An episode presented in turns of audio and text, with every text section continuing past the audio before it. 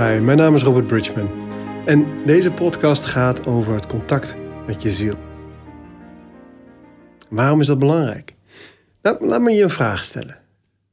Wil jij gelukkig zijn?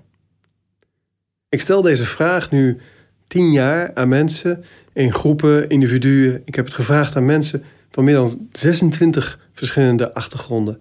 En niemand heeft ooit nee gezegd. Ieder mens, ongeacht achtergrond, ongeacht religie, ongeacht nationaliteit, wil gelukkig zijn. En de mensen die zeggen dat ze dat niet willen zijn, die zoeken geluk in een ongeluk, zullen we maar zeggen. Geluk is een van de basisvoorwaarden voor het leven. Het is een van die dingen waar we allemaal naar streven.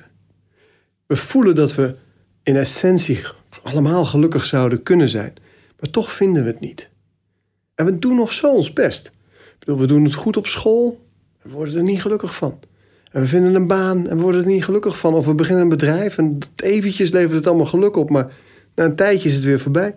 We krijgen promotie, even en dan is het weer weg. We hebben een nieuw huis en het levert ons geluk op, maar dan is het weer weg. We gaan een relatie aan, het levert ons geluk op, maar na een tijdje is het weer weg. We zoeken geluk buiten onszelf, maar daar zit het niet. Het zit op een hele andere plek. En dat vraagt nogal wat om te ontdekken waar dat dan zit. Als je kijkt naar kwaliteit van leven en werkelijk voldoening halen uit je leven, wat zijn dan belangrijke pijlers? Nou, dan heb je het bijvoorbeeld over geluk, maar ook over inspiratie, geïnspireerd leven, over creativiteit. Heb je het misschien over balans, over wijsheid, over passie, over compassie. En wat zijn dat dan voor elementen? Want dat zijn niet fysieke dingen. Passie, compassie, wijsheid is niet iets fysieks. Het is ook niet een emotie. Emotie heb je geluk en ongeluk, maar dat zijn tegengestelde. Wijsheid is niet een emotie. Is het dan iets mentaals? Wijsheid is niet iets mentaals. Je kunt, een, een bedelaar kan wijsheid hebben die een, een geleerde professor ver overstijgt. Kunt nog zoveel kennis hebben, maar kennis is niet wijsheid. Passie, is dat iets mentaals? Nee, dat is het niet. Compassie heeft niets met mentaal te maken. Zoals het niet fysiek is, niet emotioneel is, niet mentaal is, niet in de persoonlijkheid zit. Wat is het dan? Spiritueel. Het deel van onszelf waar we allemaal naar zoeken en eigenlijk een beetje bang voor zijn, is het spirituele lichaam, het spiritueel deel van onszelf, ons hoger zelf en onze ziel.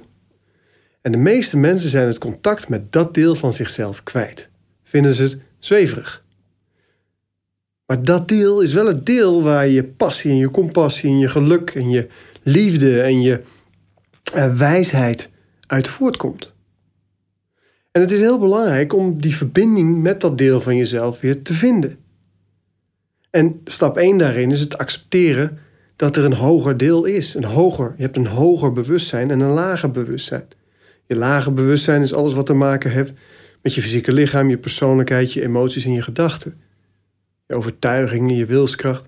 Maar je hoger bewustzijn is alles wat te maken heeft met aansluiting, met voldoening, met gelijkmoedigheid, met compassie wijsheid. Nee, goed, ik heb ze al een paar keer genoemd. Maar hoe krijg je die aansluiting met je ziel? Hoe krijg je die aansluiting weer terug? Want het lijkt wel alsof je hem kwijt bent. We zijn niet mensen die een spirituele ervaring zoeken. We zijn spirituele wezens die een menselijke ervaring zoeken. Bob Proctor zei het heel mooi.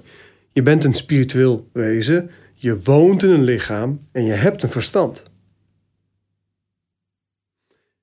In essentie ben je dus al je ziel. Wie je in werkelijkheid bent, gaat nog verder dan dat. Daar gaan we binnenkort nog een podcast aan wijden. Maar in essentie ben je je ziel. En als je die verbinding met je ziel herstelt, herstel je de verbinding met je geluk en met je wijsheid en met je passie. En als je die verbinding herstelt, dan ontdek je ook weer wat je eigenlijk wilt in je leven, waar je voor gekomen bent, wat je komt ervaren hier. Dan kun je weer groeien, dan kun je weer geven. En de manier om contact te maken met je ziel is in het nu te stappen. En je ziel kan nooit in het verleden of in de toekomst zijn. kan nooit drie minuten geleden of vijf minuten in de toekomst zijn. Net zo min als je fysieke lichaam trouwens. Je ziel is, is er altijd, in het nu. Je gedachten kunnen wel degelijk in het verleden en in de toekomst zijn. op het moment dat je in het nu komt, dat je aanwezig bent in dit moment, dan maak je eigenlijk al contact met je ziel. En hoe doe je dat in het nu zijn? Nou, bijvoorbeeld door contact te maken met je fysieke lichaam, want dat is ook in het nu. En wat is een makkelijk deel van je fysieke lichaam om contact mee te maken? Dat is je ademhaling. Die is altijd in beweging, toch? Als die niet in beweging is, heb je toch een probleem. Die ademhaling gaat op en neer. En als je daar je aandacht op legt, al is het maar heel even, breng je jezelf in het nu. Ik vind een uitspraak van Eckhart Tolle heel mooi. En die zegt: In het nu ben je altijd gelukkig. Als je niet gelukkig bent, ben je niet in het nu. Het is dus belangrijk voor jezelf, voor je ontwikkeling, voor je geluk, voor je welzijn, voor je voldoening, om zo vaak mogelijk dat nu op te zoeken. En je mag er ook wel eens uit. Er is niks mis mee om even in het verleden of in de toekomst te zijn. Maar neem dat niet te serieus. En kijk eens of je technieken kunt vinden die je helpen om in het hier en nu aanwezig te zijn. En heel makkelijk is door gewoon je adem te volgen. Als je vier keer een volledige in- en uitademing volgt en je laat alles de boel, dan ben je eigenlijk al bezig met jezelf aansluiten. En hele goede manieren zijn natuurlijk meditatie. En meditatie is aanwezig zijn in het nu. Een vipassana meditatie bijvoorbeeld, ook wel mindfulness meditatie. Helemaal aanwezig zijn in het nu, zonder oordeel, aandacht geven aan datgene wat gebeurt. Meditatie is een training die je helpt om in het nu te zijn. En weer zo'n mooie quote, eentje van Dingeman Boot, mijn eerste meditatieleraar, die zegt: De enige manier om gelukkig te worden is te zijn. En dat klopt ook. De enige manier om contact te maken met je ziel is te zijn. Naast meditatie heb je natuurlijk ook yoga. Yoga is ook een prachtige manier om lichaamsbewustzijn op te bouwen. Om contact te maken met je lijf. In de acht stappen van de Raja Yoga bijvoorbeeld is samadhi of verlichting de hoogste stap. Eén worden met alles wat is. Eén worden met je ziel. Yoga is natuurlijk niet rek en strekken wat het in het Westen een beetje geworden is. Het is een hele spirituele beoefening om contact te maken met wie je in werkelijkheid bent. En een hele onderschatte methode is dankbaarheid. En dankbaarheid is een energie. Alles is energie in, in, het, in het leven, in de wereld. En dankbaarheid heeft een trilling die heel dicht bij liefde ligt. En waarom is dat nou zo belangrijk? Omdat als je in het nu bent, wat is de basisfrequentie van het nu? Wat is de essentie van het nu? Als je het vraagt aan mensen die daar geweest zijn, dus ooggetuigenverklaringen vraagt, dan komen ze allemaal met hetzelfde terug. Of het dat nu is, of 10.000 jaar geleden, of 5.000 jaar geleden, of dat nou een boeddhistische monnik is, of een Indiase yogi, of een christelijke heilige, of een islamitische soefi, of een kabbalistische leraar. Het maakt niet uit. Ze komen allemaal terug uit dat nu met dezelfde boodschap. Daar is het liefde. Liefde en gelukzaligheid. Gelukzaligheid is natuurlijk ook zo'n woord, een beetje ja, verkracht door de Bijbel, als ik het zo mag zeggen. Um, maar het is wel wat we allemaal zoeken. En geluk en ongeluk zijn tegengestelde. Maar gelukzaligheid is een blijvende vorm van geluk. Die je ziet bij mensen die heel veel mediteren of die heel veel aanwezig zijn. Zoals een, een heilige bijvoorbeeld is. En dankbaarheid ligt qua trilling heel dicht bij die liefde. Als je in staat bent om dankbaarheid te cultiveren, dankbaarheid als het ware in je systeem te gieten, ehm, dan merk je dat je veel makkelijker in het nu komt. Want dankbaarheid, eh, als je dan denkt, hoe cultiveer ik dat nou? Daarbij kun je gebruik maken van die neuroplasticiteit, die ik omschrijf in de podcast. Je denkt dat je weet hoe de wereld in elkaar zit. Neuroplasticiteit wil zeggen dat alles wat je doet, denkt en waar je aandacht aan besteedt, de functie en de structuur van je brein verandert. En je brein, je hersenen, is onderdeel van je zenuwstelsel. En we weten inmiddels uit wetenschappelijk onderzoek dat op de plek van je hart ook neuronen of zenuwcellen zitten. En we weten uit wetenschappelijk onderzoek dat in je onderbuik ook neuronen of zenuwcellen aanwezig zijn. Een heel zenuwstelsel zelfs. dat zenuwstelsel gaat door je hele lichaam heen.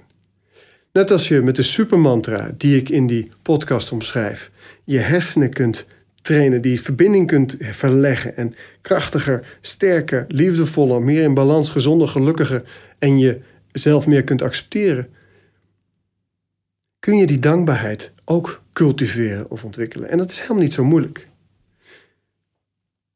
Laat eens kijken of je dat kunt. Zomaar nu. Doe je ogen even dicht. En denk eens aan iemand die heel veel van jou houdt. Iemand die heel veel van jou houdt. En kijk eens wat er gebeurt als je daar dankbaarheid voor voelt. Waar in je lichaam voel je dat? De kans is heel groot dat je dat voelt op de plek tussen je hart en je keel in je vreugdecentrum, zoals we dat ook wel noemen. Daar voel je het warmer worden, daar voel je het groeien. En blijf maar denken aan die persoon die heel veel van jou houdt. En ondertussen denk je dank u. Of dank je, dank je, dank je.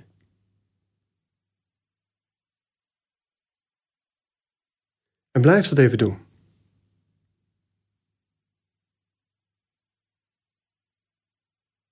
En als je dit vaker doet, op deze manier die dankbaarheid cultiveren, dan ga je daar ook verbindingen leggen. Dan wordt die dankbaarheid onderdeel van je systeem. En als die dankbaarheid onderdeel van je systeem wordt, ga je op die frequentie trillen. En dat betekent een frequentie heel dicht bij liefde, een frequentie heel dicht bij je ziel. Van alle lessen die je kunt leren is dit denk ik de allerbelangrijkste. En van alles wat je kunt doen, het werken in je persoonlijkheid, je emotionele wonden oplossen, eh, mentaal aan de slag gaan met je overtuigingen en je gedachten. Op het moment dat je de verbinding met je ziel terugvindt, vind je je essentie weer. Vind je je liefde weer, vind je je geluk weer, je gelukzaligheid, je wijsheid. En dan wordt alles anders. En ik heb daar zelf een vrij heftige sprong in gemaakt. Want als bouwdirecteur was ik absoluut niet bezig met liefde en geluk en gelukzaligheid en wijsheid. Ik was bezig met geld verdienen, was bezig met belangrijk zijn, was bezig met nee, genieten van het leven voor zover dat lukte. En totdat op een dag ik een ervaring had, en die heb ik omschreven in mijn eerste boek Start vandaag met dichte leven, waarin ik ik zat toen in een, in een afronding van mijn bedrijf. Mijn vrouw die, uh, was er vandoor gegaan. Ik zat in een hele vervelende periode in mijn leven. En de pijn die ik voelde toen, die was zo groot eh, dat die eigenlijk niet meer te houden was. Maar ik was net begonnen met mediteren bij Dingeman Boot. En hij had me geleerd dat pijn een poort naar verlichting is, een poort naar groei. En toen dacht ik voor het eerst in mijn leven: Weet je, ik ga deze pijn een keer niet verdoven met genotsmiddelen als dranken, sigaretten, alcohol. Ik ga de pijn aan. Ik ga deze pijn door. Ik ga deze poort door.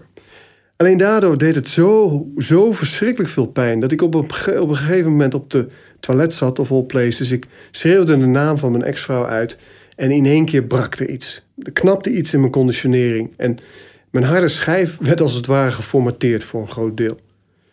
En vanaf dat moment was de verbinding met mijn ziel er weer. Ineens, poef, plof. En de wereld werd ook anders gaven die ik heb, um, in, de, in, in dingen die ik zie en voel bij mensen, die, dingen die ik kan met mijn handen, die kwamen ineens weer terug. Herinneringen aan vorige levens waren spontaan weer aanwezig. En vanaf dat moment is heel veel wat ik doe het onderhouden van die verbinding en het vergroten van die verbinding. Dat doe ik door meditatie, dat doe ik door yoga, dat doe ik door ademhalingsoefeningen, dat doe ik door elke ochtend dankbaarheidsoefeningen te doen.